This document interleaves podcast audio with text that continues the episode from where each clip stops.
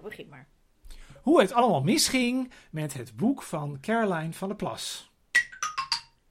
Daar zijn we weer. Hallo, Eh, eh, met hoe het allemaal misging. Met, met hoe het allemaal misging met Chris En Dink. en Tink. Het gaat nu al mis. Het is helemaal, we doen het gewoon anders. Nou ja, je bent op vakantie geweest. We, We zijn op er even vakantie uit. geweest en We zijn helemaal even uit geweest. Ik weet niet hoeveel, hoeveel weken hebben we eigenlijk overgeslagen? Drie?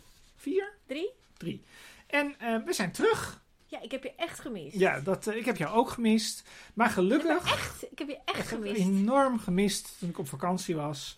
Maar Maar, we zijn terug en we hebben weer eh, nou ja, iets belangrijks te bespreken. En sterker nog, ik heb hier in de vakantie aan gewerkt. Dus het was, Ja, was niet helemaal je was weg. sowieso niet, niet amused, zeg maar, van mijn opdracht aan jou. Nee, Eh, dat was want- namelijk een opdracht. Ja, ik wilde graag dat jij het boek Gewoon Gezond Verstand van Caroline van der, Caroline van der Plas ging lezen.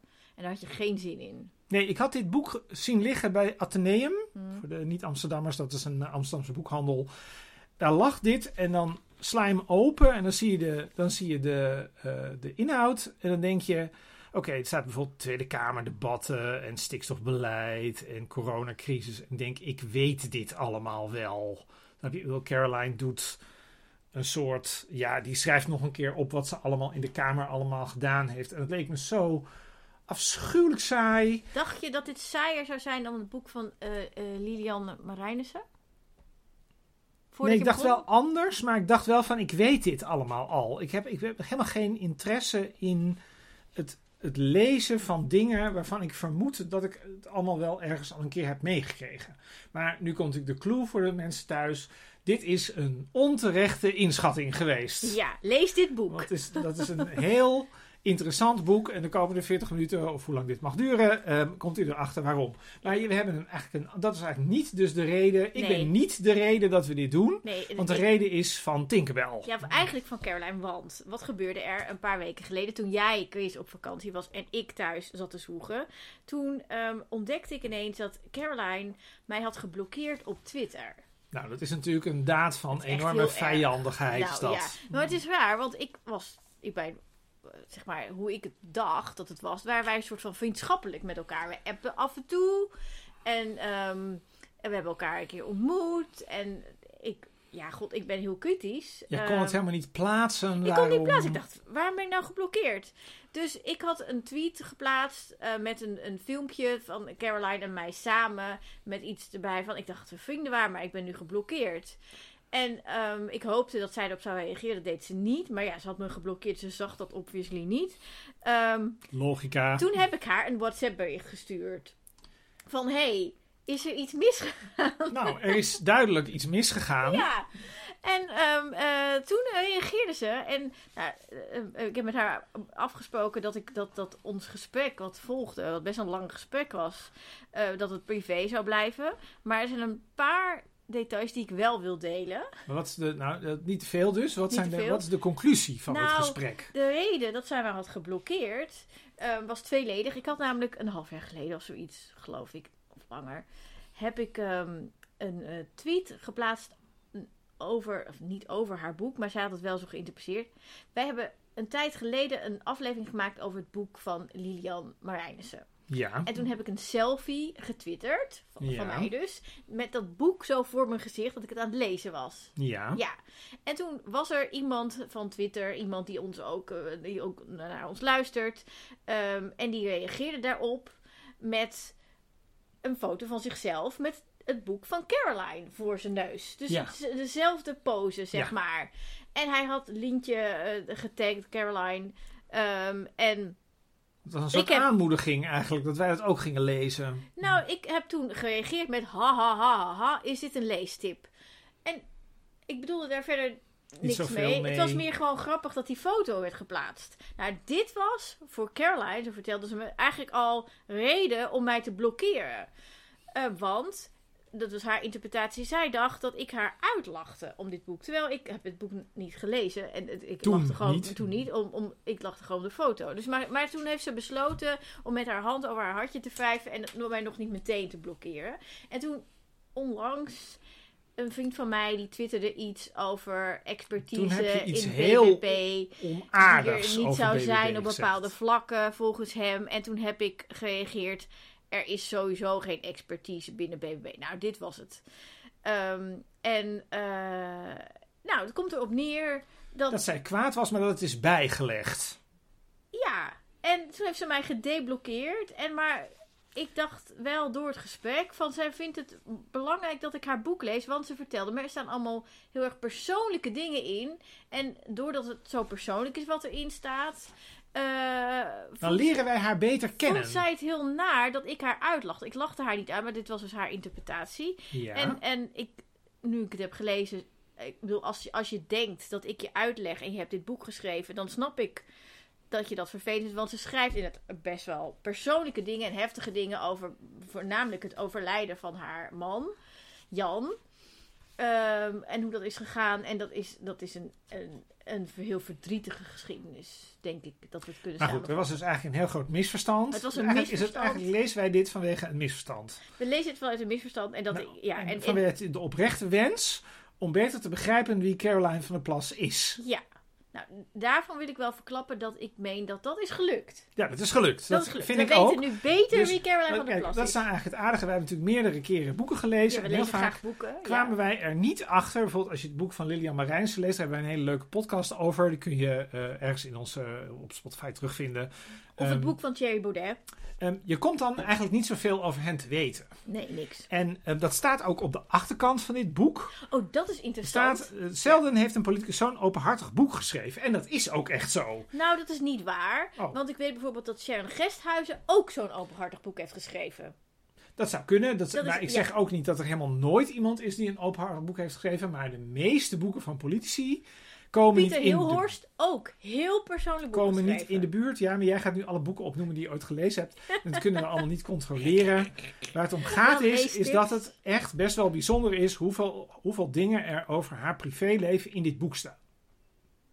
Dat is Dat waar. is best wel bijzonder. Het is wel bijzonder. En dat, ja. dat, ik moet zeggen, ik heb dat boek van Sharon Gesthuis, dat is een oud SP-Kamerlid, heb ik ook wel gelezen. Dat kan ik me eigenlijk niet zo herinneren. Misschien wel Ik hoor. heb toen, nou, de tekst op de achterflap heb ik Ja. toen voor haar geschreven. Dus ik, dat weet ik nog, weet ik best wel goed. Ehm, ja. Dus dan is eigenlijk nu natuurlijk de, dan, dan komen we natuurlijk nu toch naar deze wat lange inleiding aan de hoofdvraag. Namelijk, wat hebben wij dan geleerd? ja, wat halen we uit dit boek? Ik heb hier ook op mijn blaadje opgeschreven, wat halen we uit dit boek? En, Dus wie, wie gaat daarmee beginnen? nou, ehm, Wat heb jij geleerd, in- Tink? Een aantal dingen. Dus we gaan, we gaan zeg maar een soort rijtje af. En wat interessant is dat zij begint met een, een soort anekdote. En dat noemt ze dan eh, dat zij eh, zwerfkatjes mee naar huis neemt. En ik dacht, oh, ze houdt wel van dier. Dat is echt wat ik, dat was mijn eerste gedachte. en het is ook, volgens mij heet het hoofdstuk zo. Even kijken, pagina 11. We gaan naar pagina 11. Het hoofdstuk heet, oh ja, het hoofdstuk heet Jeugd, Ouders en Ierland. En dan daaronder Ehm, eh, Caroline, je wil altijd het laatste woord hebben. Jij wilt altijd het laatste woord hebben. Jij wilt? Jij wil. Ja, maar er staat hier jij wilt. De eindredactie van Prometheus moet eh, nog op zijn kop krijgen. Ga verder. En dan zwerfkatjes en mijn oma. Nou, dan, bedoel, als je leest zwerfkatjes en mijn oma als een kopje, dan denk je, ah, zwerfkatjes bij oma. Maar nee. Ze vertelt dan dat zij, ehm, als, er, als er kinderen in de klas gepest werden of zo, of als ze uit arme gezinnen kwamen, waar ze niet allemaal eh, problemen waren of whatever, dat ze dan een beetje die andere kinderen onder haar vleugels nam en mee naar huis nam en ervoor ging zorgen. En dus die andere kinderen uit haar klas noemt zij zwerfkatjes. Ja, ja. Ik, ja, ik vind het een beetje denigrerend. Maar dat is Nou mijn ja. perceptie. ik vond dat, ik Dat dacht... is van vroeger. Ja, dat is een herinnering. Ik bedoel, hoe Ja, zij je, zij is tien jaar ouder. noemt, zij is tien jaar ouder dan ik, geloof ik.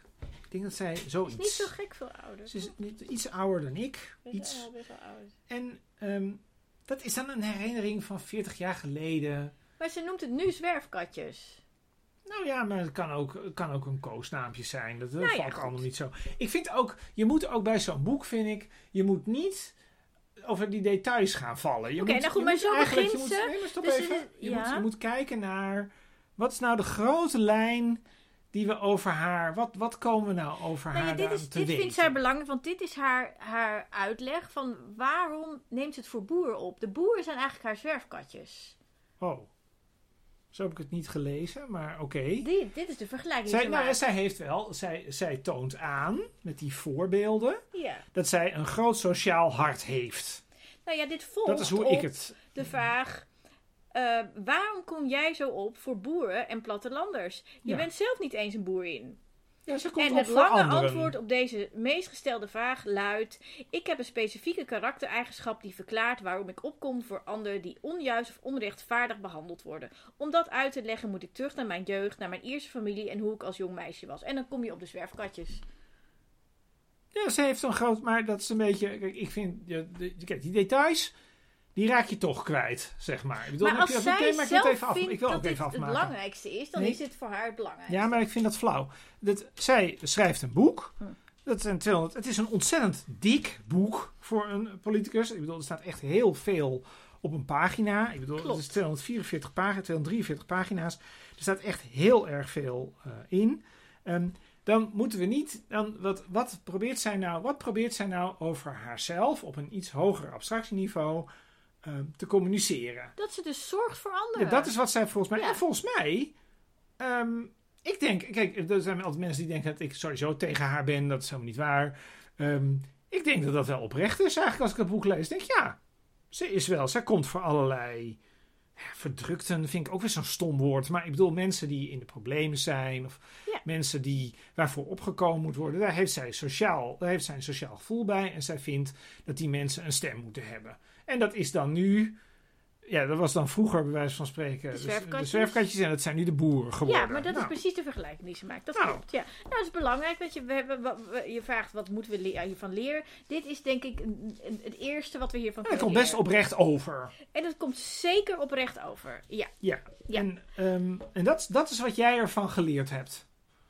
Als eerste. Dus er is, er is meer, er is meer. Ja, ja. dus we, we gaan naar het volgende. Oké, ja. Ja, wat ik ook interessant vind om, als les, is dat zij heel slordig is. Ehm, ik, ik. Twee voorbeelden waaruit dat blijkt. Oh, ja. Eén, ehm, nou, er was net, we zagen het een spelfout al, eh, maar er zitten best wel veel ehm, herhalingen in, in het boek. Dus dan schrijft ze ergens een, een anekdote en dan twee alinea's verder herhaalt ze het alsof ze het nog niet had geïntroduceerd. Eh, je kunt lezen dat het vrij snel is geschreven. Dat is op zich niet zo gek, maar er is weinig redactie. Het is, het is een slordig boek. Redactioneel is het slordig. Dus het Nou, dat is wel... meer een probleem van de uitgever, denk ik dan. Dan denk ik, dit is, ik ga nu iets heel onaardigs zeggen over de uitgever van Caroline van der Plas.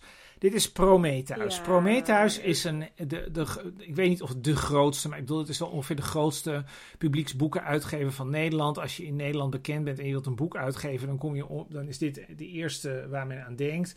Dat zit in een heel groot grachtenpand in, eh in Volgens mij Lilian Amsterdam. zat er ook. En Thierry Baudet zat daar voordat hij zat zijn eigen uitgever en had. heel veel romans zitten daar. Ja. En, dat, en dat is gewoon dat, dat een beetje onaardig gezegd vanuit hè, hoe auteurs daarover praten. Is een beetje van aan de ene kant heeft het wel een soort status van dan hoor je bij die grote club. Ja, ze gaan ook echt gaan ze het eh, vermarkten. Ja, maar aan de andere kant is het ook zo van je zit daar dan wel, maar je bent wel een van de duizend boeken die dit jaar is uitgegeven. Dus als je Ja, dat niet is waar. als je niet daar maar te veel en als je dan niet loopt, dan lig je ook binnen drie maanden bij de slechte. Klopt. Ja, Dat ja. is een beetje ja, je hoe krijgt wel over- veel geld, je hebt een goed voorschot en zo. Dat is allemaal goed. dus- Maar inderdaad, die, dat klopt. Maar dat vind ik dus, dat vind ik dus een beetje gek. Dat ik denk van, oh, ze hadden een soort...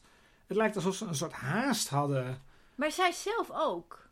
Ja, maar dit, is, dit zijn Als, jij, typische als jij, want jij eh, hebt ook boeken eh, uitgegeven waar je veel dingen zelf hebt gedaan, Jij volgens ook? mij. Ja. Nee, ik heb altijd wel met Ja, ik doe het verschillend, Ja, ja, precies. ja. Ik heb wel echt steeds... Ja. Ja. ja. En, maar dan nog ga je zelf echt tien keer je eigen geschreven stukken lezen. Of het allemaal lekker loopt. ja, maar dit vind ik dus raar hoe jij dat zegt. Want dit is nou juist een boek waarvan ik denk... Dat heeft dus een redacteur gehad.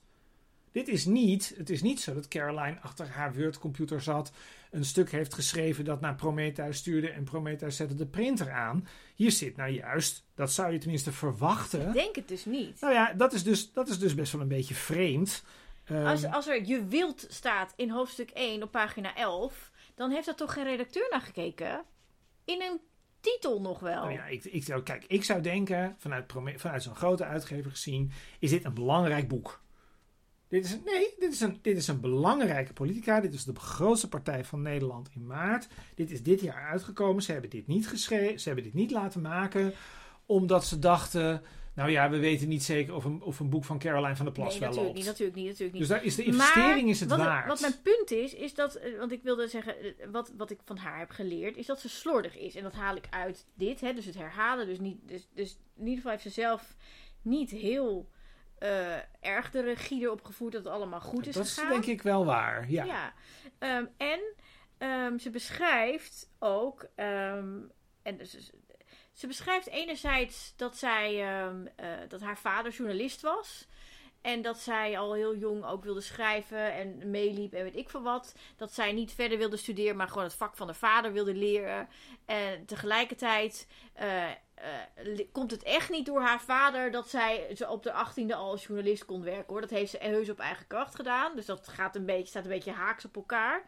En dan schrijft ze als voorbeeld dat ehm, eh, ze toen ze dus voor het eerst bij, bij een, eh, een krant werkte, dat ze eh, bijvoorbeeld de straatnamen verkeerd schreef in artikelen. En dat ze dan wel op de flik kreeg, maar dat ze wel gewoon nog mocht blijven. Maar als jij op je achttiende zonder opleiding op een redactie op een krant zelf artikelen mag publiceren en je maakt allemaal stomme fouten, ja. Ik zou zeggen dat een normale situatie zou zijn dat ze dan zeggen: Goh, Caroline, ga nog even een paar jaartjes naar de school voor journalistiek en kom dan terug.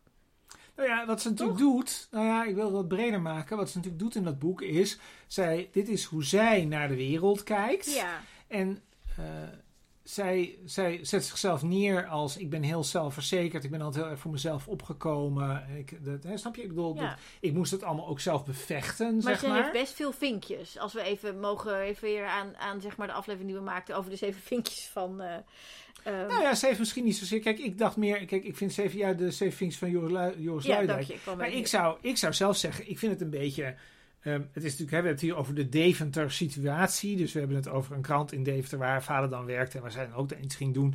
Maar het is wel een beetje Johnny de Mol op zijn Deventers, zeg maar. Ja, precies. Dus Johnny de Mol heeft natuurlijk niet een talkshow gekregen omdat Johnny de Mol een hele goede talkshow-presentator is. maar omdat het Maar de zoon omdat van het de is. zoon van is. Ja. En eh, de, ja, nou ja, dat, dat soort dingen komen wel vaker voor. Ja. Dat is verder niet zo. Dat is op zich verder niet zo. Dat is ook een beetje, vind ik dan. Dat, ja, zo gaat dat. Zo gaan die dingen. Maar daar zegt ze niks over. Ze doet net alsof dat er niet is. Nee, Dat is en- gek. En, dat het ook niks waard is. Eh, ja. Eigenlijk probeert Ja. ze het uit te leggen dat het omgekeerde aan de hand is. Ja. Maar goed, dit zijn kleinigheden. Maar Oh, ik, ik meen. Oh. de slordigheid dat je dat wel terugziet in gewoon. Ja, in general. In, in hoe ze interviews geeft. In hoe ze soms debatten ingaat of, of dingen Nou, zo- ze biedt- zegt. Het boek biedt een, Uitspraken die ze doet. het boek biedt een frame aan Ja, om, om te denken. Het is een beetje. Ik heb daar zelf namelijk. Maar ik, heb, ik, ik, ik doe altijd veel minder aan. eh, voor de helderheid. he- Tinkerbell zit nu voor haar neus met het boek. Met, en ze heeft eh, ongeveer alle bladen. Heeft zij, al blaadjes heeft zij een vouw ingemaakt. Eh, ik heb er maar vier. Dat is een beetje het verschil. Maar ik heb er wel bijvoorbeeld één. Dat zij. Zij zegt op een gegeven moment. Dat vind ik. Dat is maar één. hoeveel? eh, 47. Dat is maar één zin. Maar dat is volgens mij. Dat, die, die komt bij mij heel erg binnen. Dan zegt zij. Daarbij ga ik heel erg sterk af op mijn intuïtie en onderbuikgevoel. Ja. En toen dacht ik. Dat beschrijft haar heel erg. Ja. Zij heeft een bepaalde intuïtie. Zij denkt. eh, nou ja, zij, zij, zij interpreteert de wereld om haar heen. Dat doen we natuurlijk allemaal. ja. En eh, daar baseert zij zich heel erg op. En bijvoorbeeld, dat zie je dus bijvoorbeeld met die vader en die baan. Mhm. Haar intuïtie is, of haar gevoel daarbij is, is dat zij daar geen kruiwagen had. Die, die, en het is toch niet helemaal, dat is toch niet zo waarschijnlijk. We waren er ook niet bij, dus we weten het ook niet precies. Maar het is natuurlijk toch wel, eh, er is toch wel iets aan de hand. Maar dat is gewoon haar gevoel niet. Nee, maar ze beschrijft tegelijkertijd wel dat iedereen haar de heet aanspreekt op... Oh, jij bent de dochter van. En dat zij ook heel Ja, graag... dat is heel raar inconsistent. En dat is natuurlijk het punt. En daarom vind ik dus, daar, dat vind ik dus echt typisch iets voor een redacteur. Als een boek met zorg wordt gemaakt, Ja. en dat heb ik toch ook wel eens gedaan, dan zegt zo'n redacteur: Jij zegt op pagina 36 wel, bijvoorbeeld, ik had geen kruiwagen, want ik kreeg daar gewoon die baan. Maar twee pagina's eerder en tien pagina's later zeg je steeds: Je wordt op straat aangesproken als de dochter van. Precies, dit Hoe- is een kruiwagen, ja. Hoe, nou, nee, niet zozeer om de waarheid. De redacteur zegt: Nee, Doet daar niet. precies. redacteur zegt niet van je hebt ongelijk, maar een redacteur zegt wel van dit is voor een buitenstaander wel erg moeilijk te begrijpen. Kun je niet nog eens nadenken over hoe dit nou Precies. logischer bij elkaar. Ja, ja. En dat zit er ehm, niet altijd in. Nee. Wat is jou nog meer opgevallen? Nou, wat belangrijk is, is denk ik het startpunt. Ehm, en met het startpunt bedoel ik niet het startpunt van haar als journalist. Want ze heeft heel lang als, als journalist voor al, allerlei plekken gewerkt. Ehm, Voor meat en meal, nou, geloof dit, is, ik. dit is inderdaad bij Meat and Meal. Dus dan heeft ze al volgens mij bij twee kranten gewerkt. En dan gaat ze... Bij de Distrifood zag ik dat het is een blaadje over supermarkten. Dat lag vroeger ook altijd bij de supermarkt waar ik werkte. Ja, maar ze heeft ook bij kranten gewerkt. En Ze heeft mij bij ook de bij, van Telegraaf. allerlei en- dingen heeft ze gedaan. Ze heeft van veel. alles gedaan. Ja, precies. Dus, Ja, ehm, Boerenbusiness. en op een gegeven moment wilde ze uit de krantenwereld, zeg maar, wilde ze iets anders. En toen kwam ze bij Meat and Meal. En ehm, ja, dat is van de, de- een, blad over vlees voor, eh, voor mensen die, eh, weet ik voor boeren, voor, voor veehouderij, denk ik dat de klanten Ja, ik zijn. nee, het is volgens mij volgens de hele vleesindustrie. De hele dus het is van de hele, ja, keten, precies, ja. de hele keten, zoals dat dan zo exact, mooi eh, heet. Ja, ja. Enfin, ze werkt er nog maar net en dan krijgt ze te horen dat er boeren bedreigd worden door activisten, dierrechtenactivisten.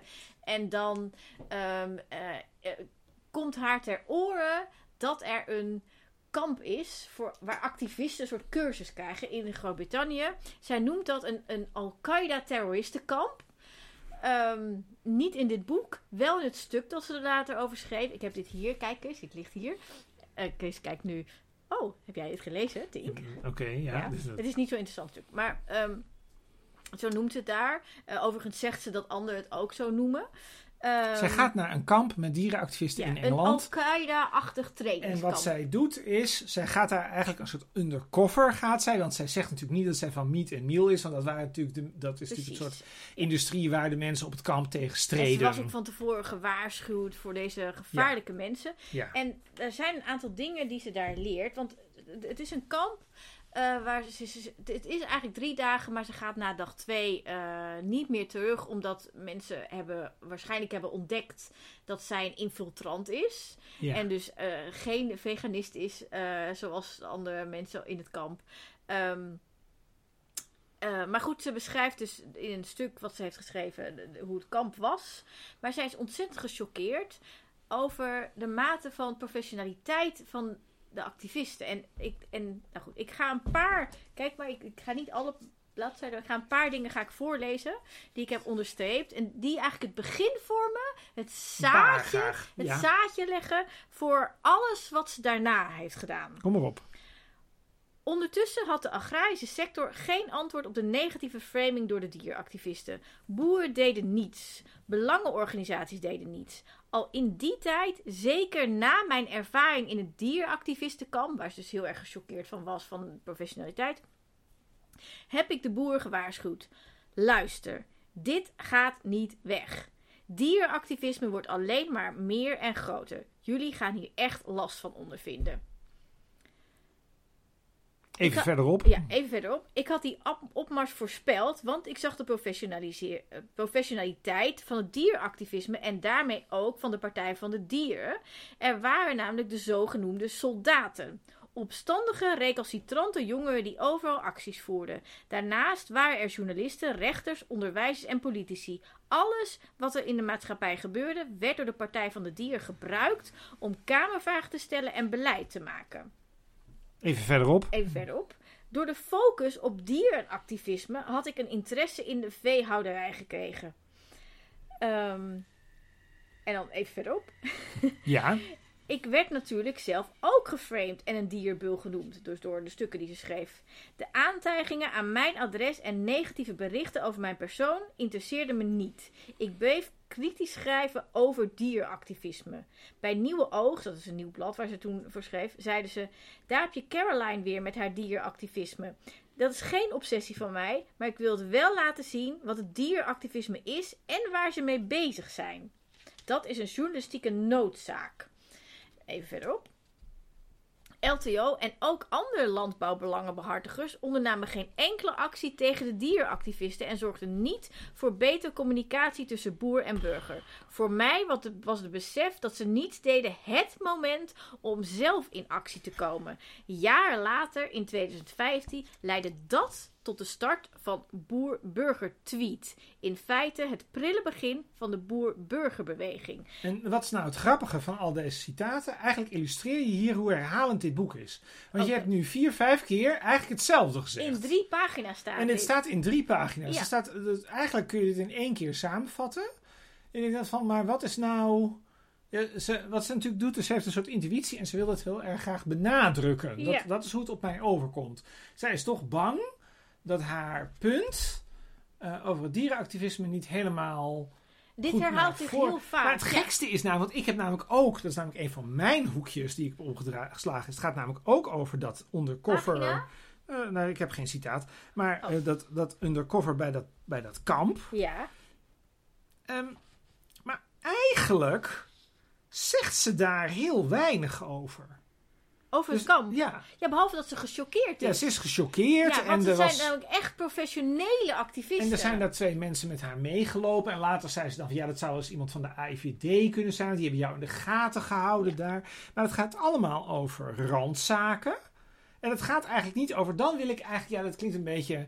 Um, even, even mee te gaan, het idee van dit zijn zulke uh, enorme uh, extremisten die daar zaten bij die dieren. Dan wil ik eigenlijk toch gewoon horen, zeg maar, hoe je, nou ja, weet ik veel, uh, dieren vrijlaat of weet ik veel, uh, hoe, je bommen, uh, hoe je bommen maakt. Dat was het allemaal. Nee, maar dat, dat, dat staat er in ieder geval nee, niet. er staat dat je leert hoe je je computer te beveiligen. Er staat dat je leert dat je je huis het beste schoon kan houden, want als er dan een, een als mensen stiekem in je huis komen, dan kun je dat zien. Want als je een vies huis hebt, dan zie je niet als er iemand heeft lopen rotzooien tussen je spullen. En als je een schoon opgeruimd huis hebt, zie je het wel. Dat soort dingen gaat het om. Ja. Ja.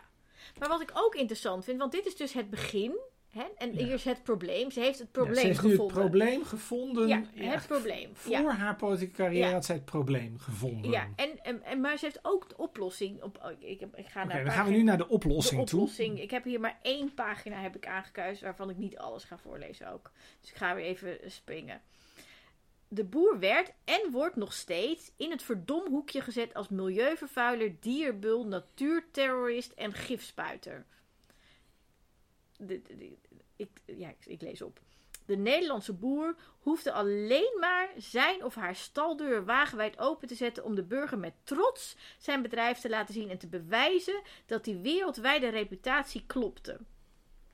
Varkens in ruimer hokken dan op menig andere plek in de wereld en steeds vaker op stro. Koeien op luxe, zachte matrassen in koele lichte stallen waar ze vrij in en uit kunnen lopen. Dit is dan dus volgens Caroline de situatie in Nederland.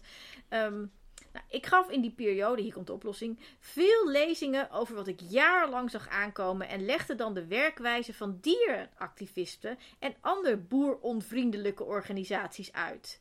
Dan vroeg ik in de zaal: waarom heeft de groene lobby zoveel succes? Dat is omdat ze samenwerken, de krachten bundelen. Ze zijn 24 uur per dag bezig met communicatie. Ze hebben zelfs een eigen opleidingscentrum om mensen op te leiden tot PR- en campagnemedewerkers. Dit is de oplossing. Maar de ironie is, maar de ironie is, is um, dat is ook weer haar intuïtie. Dit is allemaal haar, dit is hoe zij het ziet. Als je bijvoorbeeld zegt, je gebruikt net het woord terrorist. Dit zij gebruikt het woord terrorist. Ja, ja. Jij las dat voor. Ja. Nou, weet je, ik wil, ik wil, helemaal niet, ik wil helemaal niet flauw doen over dat er, dat er wel eens negatief over boeren wordt gepraat. Best, eh, best, ik weet niet of dat nou zo enorm is als zij zegt, maar ik wil best geloven dat ik daar heel veel dingen in mis. Dat, dat, zal best zo zijn. Maar er worden wel hele grote woorden gebruikt. Nou, wat ik voor mensen die bijvoorbeeld zeggen: Ik vind dat die, dat die kippen te kleine hokken hebben. Want dat is toch ongeveer ik bedoel, ja. ik wil Esther Ouwehand ook niet al te klein maken. Uh, en de Partij voor de Dieren bijvoorbeeld. Maar ik bedoel, dat is toch ongeveer het niveau waar Esther Ouwehand zich begeeft. Esther Ouwehand zegt niet. eh, de boeren moeten gestraft worden omdat ze de kippen op een te klein hok hebben gezet of zo. Nee. Zij zegt, eh, het zou goed zijn als wij minder vlees gaan eten. Ja, en Dat dat, is ongeveer wat zij zegt. ook. Maar Nou ja, nee, maar dan komen we weer. Ja, maar daar wil ik eigenlijk daar wil ik uitblijven. ja, daar wil ik blijven want uit, dat, ja. want dat, Maar wat kun je, geen ja, maar wacht, feit stop nou is, even. wat ze schrijft, is dat de koeien op zachte matrassen slapen in Nederland. Dat is natuurlijk bullshit. Nou ja, dat is misschien overdrachtelijk bedoeld. Zij vindt dat die, dat die, dat die koeien goed genoeg, worden, eh, goed genoeg worden behandeld. Ja, Maar daar zit eigenlijk weer hetzelfde probleem als bij ehm, dat gedoe over dat dierenactivisme. Het, ik, het zijn allemaal impressies. Het zijn frames. Het zijn indrukken. Verhalen. Maar je hebt heel erg behoefte aan feiten. Kijk, als nou, als nou de, de, de boeren in Nederland slecht worden behandeld. Of dat daar ten onrechte slecht naar wordt gekeken.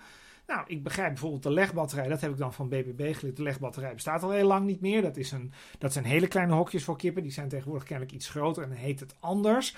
Ehm, kippen hebben iets meer dan een A4'tje ruimte. maar het per- gaat erom, dat ja. kun je nog steeds te klein vinden. Maar dan zijn we bij de feiten aangekomen. Dus dan zijn we aangekomen bij dat die kooien in ieder geval groter zijn geworden. Dat die kippen meer vrijheid hebben gekregen. Kun je nog steeds vinden dat die kooien te klein zijn. Maar dan heb je een, dan heb je een gesprek met elkaar. Zeg maar over hoe gaan we met dieren om. Hoe reëel is het wat wij als maatschappij van boeren vragen. Ja, En dat doet ze eigenlijk niet. Want wat Nee. zij doet is, zij zegt: Ja, ik vind eigenlijk dat die koeien het wel goed hebben.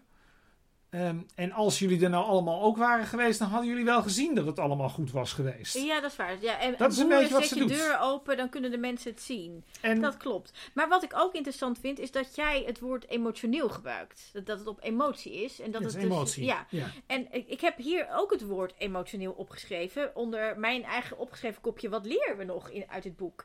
En ehm, eh, ik schrijf hier op emotioneel slash veel waarde aan symboliek. En ehm, dan, ja, ik ga Ja, naar een klopt. heel kort citaat. En, maar er zijn er een aantal voorbeelden, maar ik ga één voorbeeld eh, geven. En dit ehm, is ehm, minuten, speelt zich af na het overlijden van haar man Jan. Dus ze beschrijft helemaal het hele het Dat is een heel lang. Dat is, daar gebruikt ze, ze heeft daar veel aandacht voor. Dat is een vrij lang stuk. Ja, het is, het, ik wil er eigenlijk ook niet zoveel over zeggen, oh, omdat ik, ik, ik vind, ja... Nou ja, ze heeft het opgeschreven en ik begrijp dat dat heel gevoelig is. En, Nou, en- dat het en- een en- belangrijke rol in de leven heeft gespeeld. Dat, het- precies, precies. Ja. Dus, dus, dus, maar eh, waar ik naartoe wil is naar het stukje eh, symboliek. Dat Mhm. belangrijk voor de is. En dat komt terug op verschillende plekken. ja. Dit is dus een voorbeeld daarvan. Dit is eh, het moment dat haar man is overleden. Ehm, eh, en ze gaat de trap af. Nou ja, goed. de, de man ligt dood in bed. Ehm, en ze heeft de huisarts gebeld. Op de trap stapte ik in een stuk glas en mijn voet begon hevig te bloeden. Dat stukje glas heb ik in mijn voet laten zitten en is er nooit meer uitgegaan.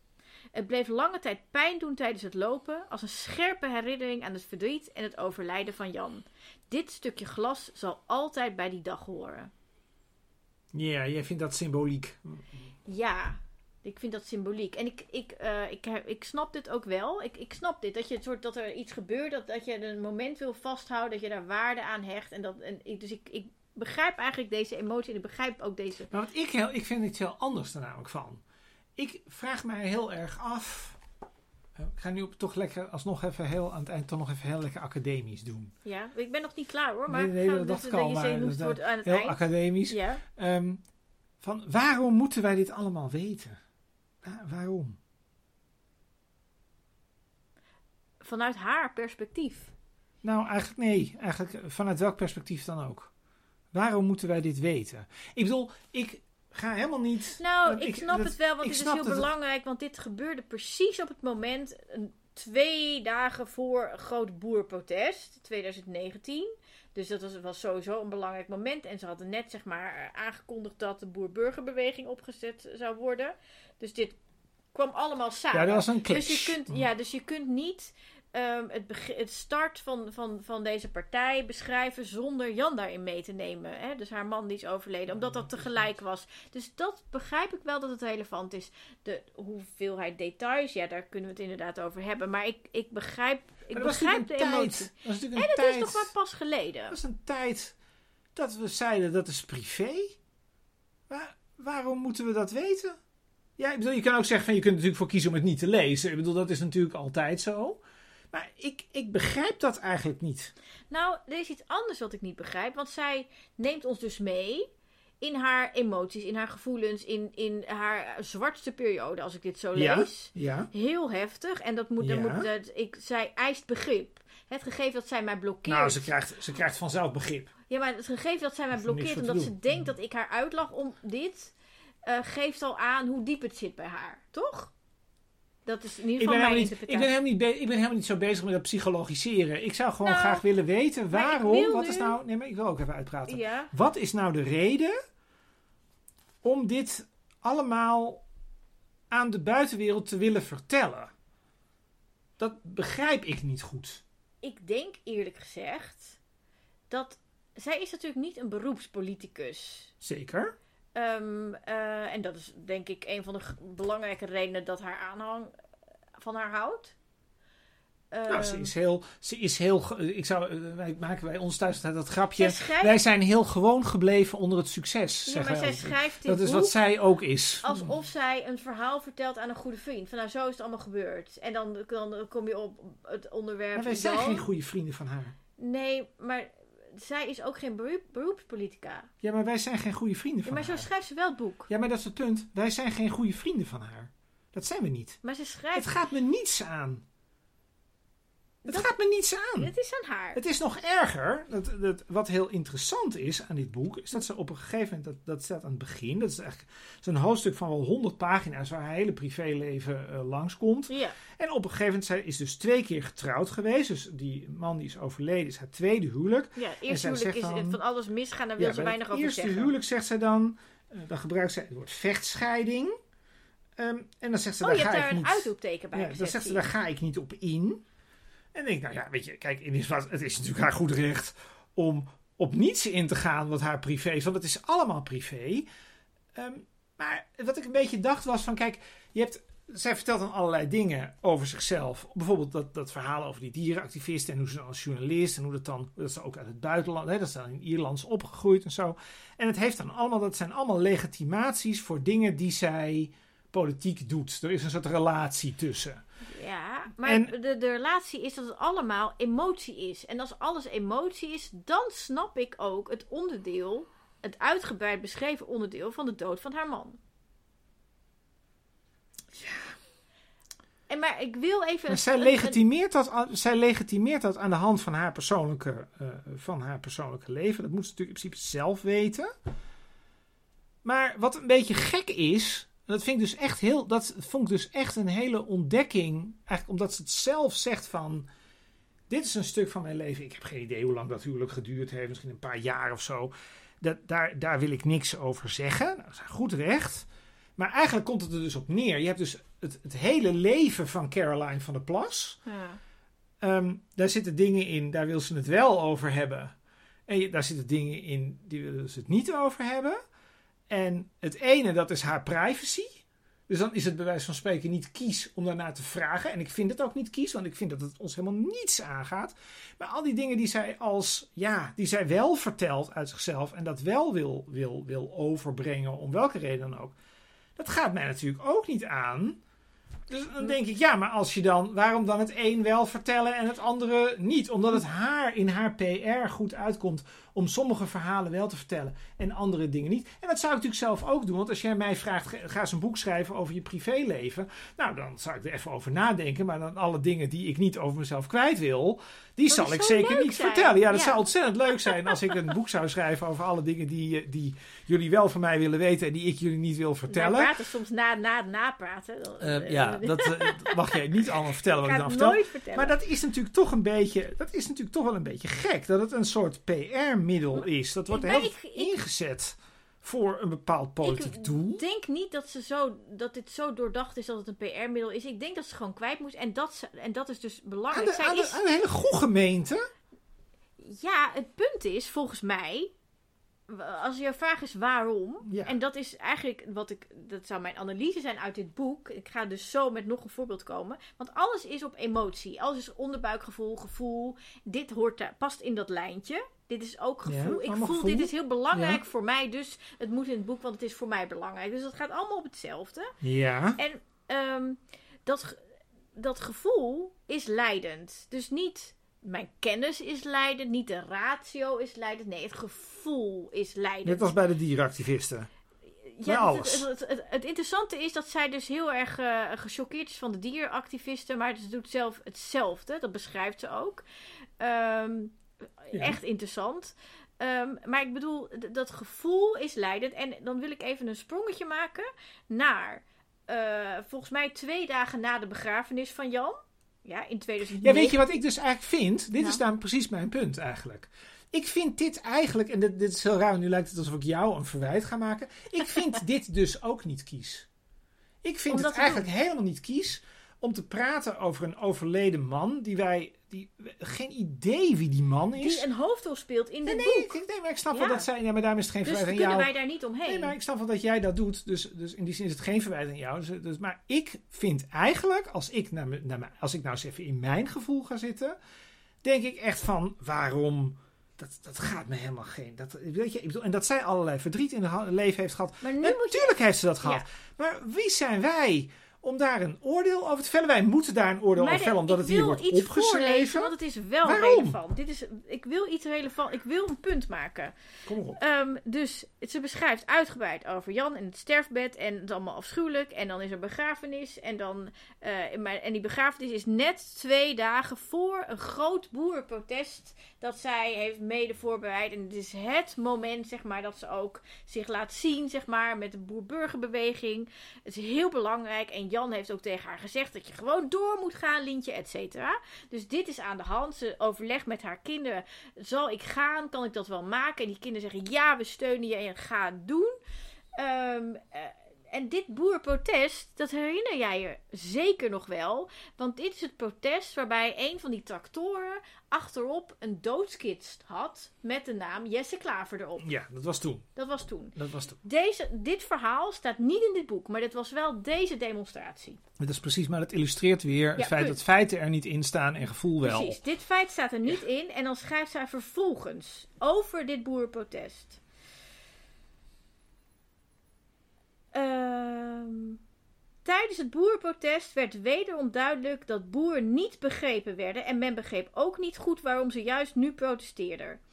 D66er Tjeerd de Groot en Jesse Klaver van GroenLinks spraken de boeren op het podium toe, maar ze werden uitgejouwd. Waarop ze vonden dat boeren te agressief naar hen waren. Dus zij doet alsof het kwam. De, de, de uitspraak, ze zijn te agressief omdat ze werden uitgejouwd op dat podium. Maar daar ging natuurlijk iets voor aan vooraf. Dat was onder andere die doodskist. Maar ze werden uitgejouwd. Waarop ze vonden dat boeren te agressief tegen hen waren. Dat was niet verwonderlijk, omdat hun ideeën direct aan het bestaan van de boeren ondermijnden. De boeren waren overigens helemaal niet agressief, maar vooral emotioneel. In de afgelopen decennia hadden ze opgesloten op hun erf, ondanks alle negativiteit die over hen werd uitgestort, niets van zich laten horen. In oktober was de maat echter vol en dat liet ze tijdens het protest aan heel Nederland weten. En nu het belangrijkste zinnetje. Ongelooflijk dat de Groot en Klaver dat niet beseften en zeurderig reageerden op een paar middelvingers die omhoog gingen tijdens hun speeches op het podium. Grow some balls, dacht ik.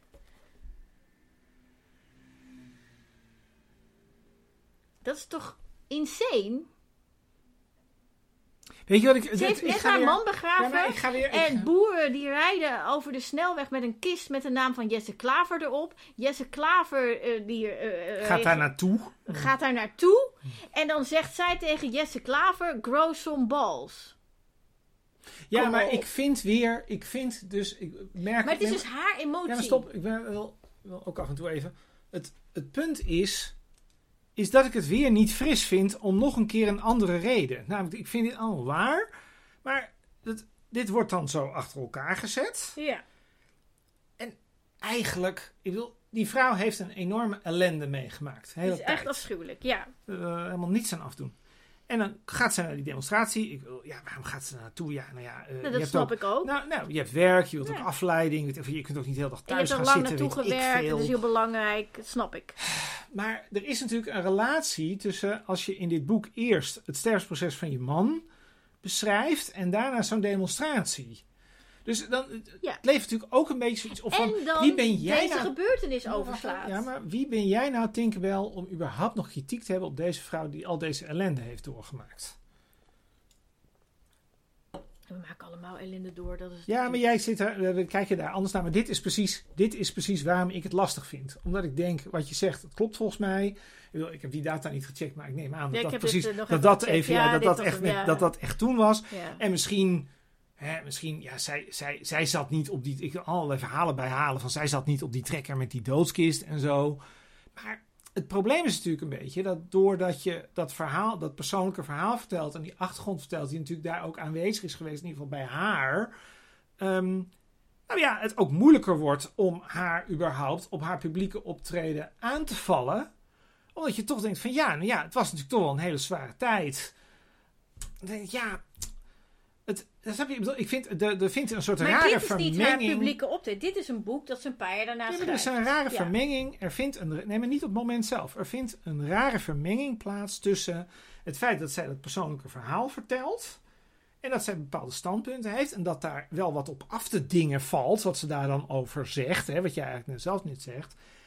En dat dan eigenlijk de vraag is: ja, kun je daar dan eigenlijk nog wel over zeggen van. Ja. Nou, mevrouw Caroline, eh, dat is wel een beetje het halve verhaal wat je daar vertelt. En natuurlijk, we zijn nu jaren verder. Dus je zou kunnen zeggen van ja, hè, dat, was, dat was toen. Daar was ze waarschijnlijk toen op dat moment niet mee bezig. En nu weten wij beter. Dus nu moeten ze het anders opschrijven. Ja. Maar het, het, er Precies, is wel want ik kan me best wel meng. voorstellen dat zij dit op dat moment zo heeft ervaren. En dat, dat Maar dat is dus ook wat Ja. ze doet. Ze vertelt de hele tijd wat zij heeft ervaren. Zij was niet bij die doodskist. nee, Dat was niet haar actie. nee. Het was niet, zij heeft niet op die Het was trekker gewoon gezeten. individueel iemand. Dat kun Ze je heeft, ja. niet bij, ze heeft dat niet op de snelweg gezien.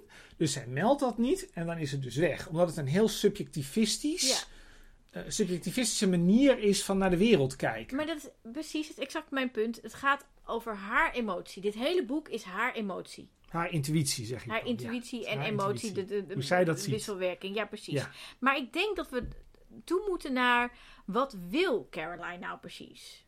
Wat is, wat is nu, toch? Wat is de BB? Wat is Caroline? Wat is, Dat wat is de echte eindvraag, geloof ik. hè. Wat wil ze dan precies? Ja, nou, ik heb een antwoord gevonden. Nou, jij hebt een antwoord. Kom ja, het, het korte antwoord, het superkorte antwoord is: mensen willen hun gewone leven terug.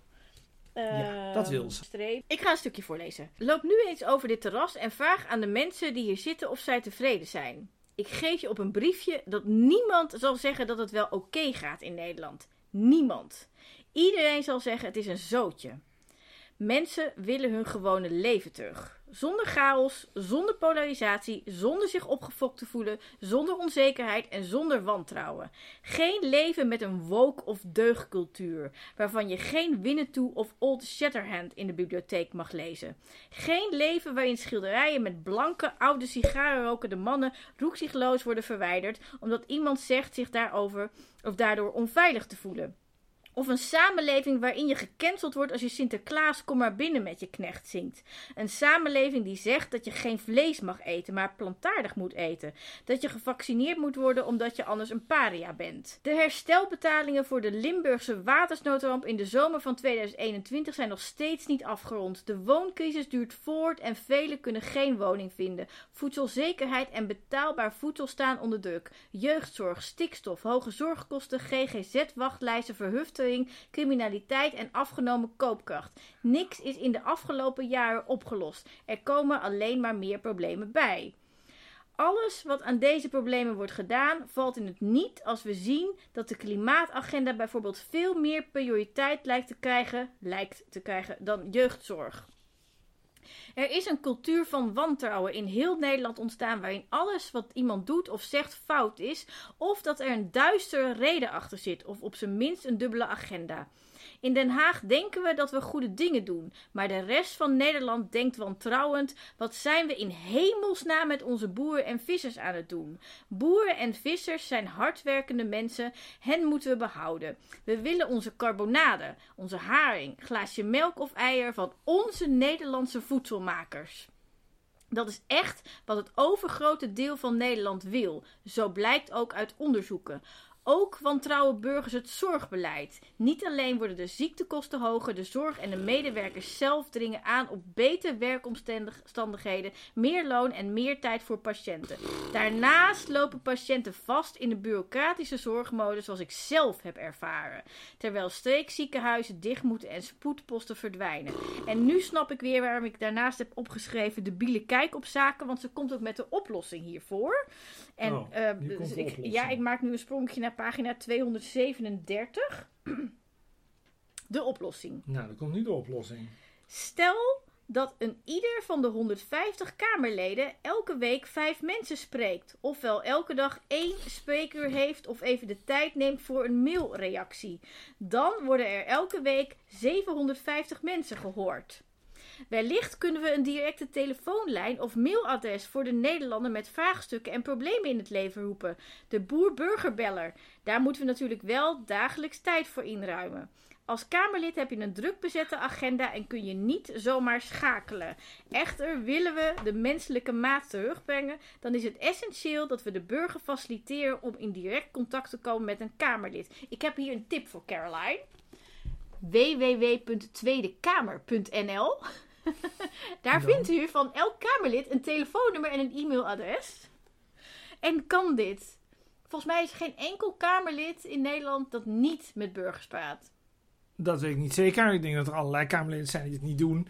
Ehm, ik denk dat, dat je eigenlijk wat je laat zien is, het is weer dezelfde subjectivistische kijk. Dus het gaat over hoe Zij mensen voelt- dingen zien. Zij voelt het zo. We zijn een van de rijkste landen in de wereld. De meeste mensen in Nederland hebben geen mening over boeren. Dat is aangepraat als ze die al hebben. Ehm, die problemen die ze noemt, die zijn niet breed. Als je, je kunt een hele hoop op problemen achter elkaar zetten en zeggen, ik maak me daar kwaad over. Maar en dat, zij zegt dan ook steeds van, ja, want dat vinden de mensen belangrijk, dus dat moet dan gebeuren. Hm. Ja, je hebt natuurlijk ook nog wel ergens een soort, een soort, een soort verantwoordelijkheid als je op zo'n plek zit om dan te zeggen hoe dat dan precies zou moeten. Wil Zo'n streekziekenhuis, hè, dan, dan, dan ga je weer, dan, ze, dan zegt ze, ja, want dat heb ik allemaal zelf ervaren, hoe erg dat is in de zorg. Dan moet dus, je Ja, kunt dan ook komen we weer terug bij Jan. ik ben niet, ben ook Nou op ja, geen zij enkele wel. manier Zij meer- komt weer terug bij Jan. op geen enkele manier kun je nog zeggen dat ze ongelijk heeft. Want ja, ik vind het ook ellendig wat ze allemaal heeft meegemaakt. Maar ja, de vraag is toch natuurlijk, mevrouw van der Plas. Of al die streekziekenhuizen, eh, hoe je dat wil gaan betalen, die OK, eh, midden in, eh, wat is het, die, die, die, die spoedeisende hulp in de midden, in, midden in de nacht. Ehm, dat, en dan staan we gewoon allemaal weer met onze bek vol tanden. Want het punt is namelijk dat er niet alleen een subjectivistische waarheid is. waarin je de hele tijd zegt van ja, maar ik vind dit heel erg. En een hele hoop mensen vinden dingen heel erg en maken zich daar druk over. Nee, er zijn ook gewoon kostenplaatjes. Mensen die iets moeten doen. Mensen die een bepaalde baan niet willen doen. ehm, allemaal van dat soort zaken. Maar en eigenlijk gaat ze gewoon helemaal, om voor, gewoon helemaal aan voorbij. Gewoon helemaal aan voorbij. Nou, ze gaat, ze gaat aan alles voorbij dat niet gevoel is. Ja, dat niet haar perceptie op de werkelijkheid is. Precies. is haar perceptie Ja. dat de meeste Nederlanders heel ontevreden zijn. Ik denk dat er heel grote verschillen zijn. Ik denk dat je het mensen ook kunt uitleggen. Die 400.000 mensen die eh, in de, onder de armoedegrens leven. Ja. Ik denk dat die heel anders piepen over eh, Nederland en de overheid en hoe het ermee staat. Dan al die verwende mensen die dat niet, die, dat, die, die aan de bovenkant zitten, zeg maar. Maar die kun je allemaal laten zeggen. Ja, dat het allemaal heel kut is in Nederland. Ja, k- Ja. kunnen we zeg maar in een. Want kijk, we, Ja, deze aflevering is hoe het al misging met het boek van Caroline van der Plas. We komen haar echt, je komt haar echt, eh, je leert haar echt kennen. Ja, ik denk dus, want we gaan het nog vaak over haar hebben. Ik denk dat wij dit boek als een soort handboek erbij houden.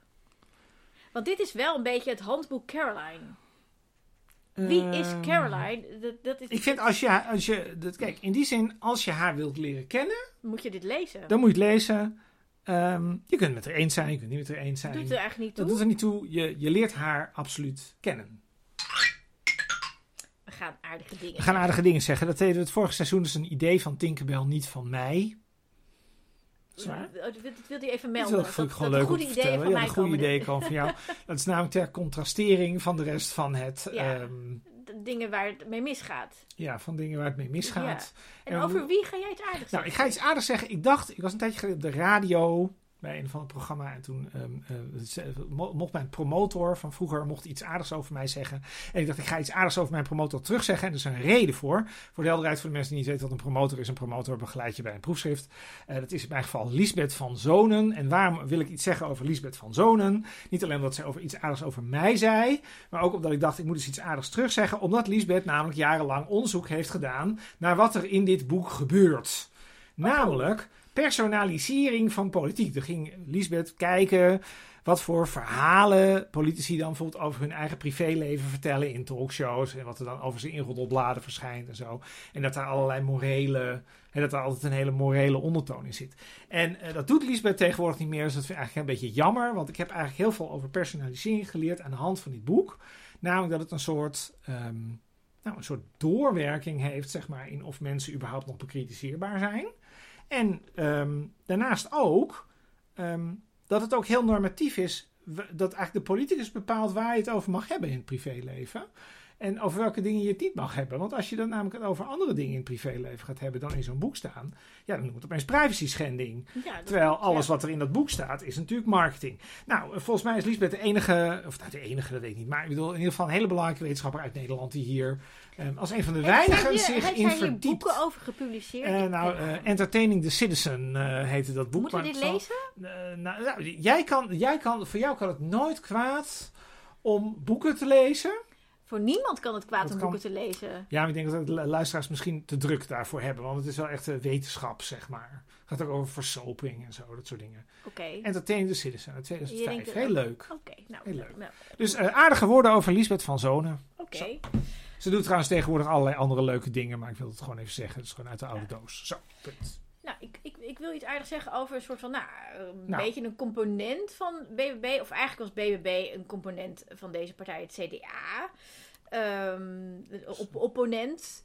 Nou, Ehm, dat, dat is, dus- is- de BBB is een afsplitsing van het CDA bijna. Bijna. Soort van. Ehm, en en eh, de CDA was natuurlijk een soort van op sterven na dood. Nou, dat weet ik helemaal niet was zeker. het, leek het. Maar nu? Maar nu is daar Henry Bontebal Oh, opgestaan. ken jij Hand Harry Bontebal? Nou, ik volgde hem toevallig wel op Twitter. Oh, of op ja. X, hoe het nu heet. Ja. En ik, ik, ik eh, had wel zeg maar een soort van eh, sympathieke gevoelens daarbij.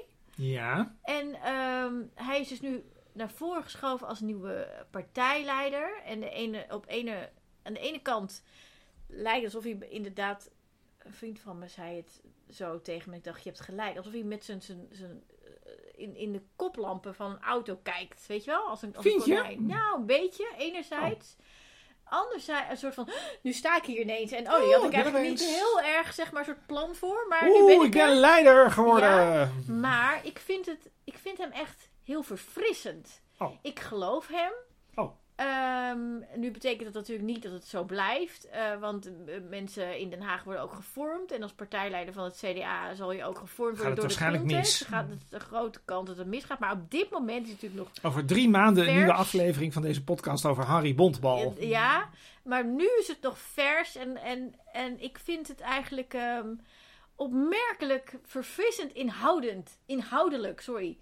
En, Normen en waarden, ja, fatsoen. nee, maar gewoon.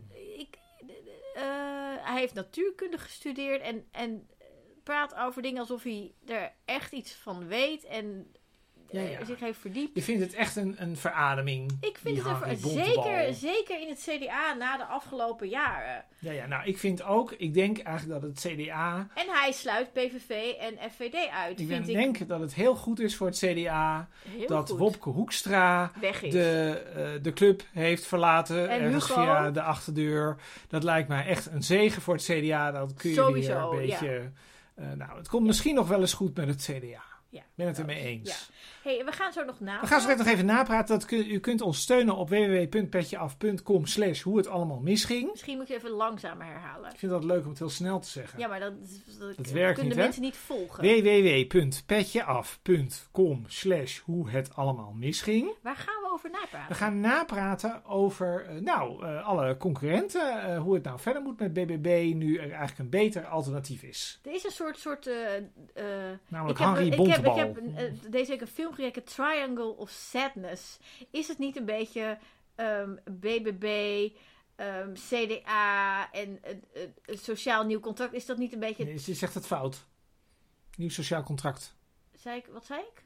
Sociaal nieuw contract. Oh, ik dacht het goed en zei het. SNC, het is S We moeten nog even wennen. Laten we het gewoon Partij Pieter noemen. Ja, de Pieterpartij.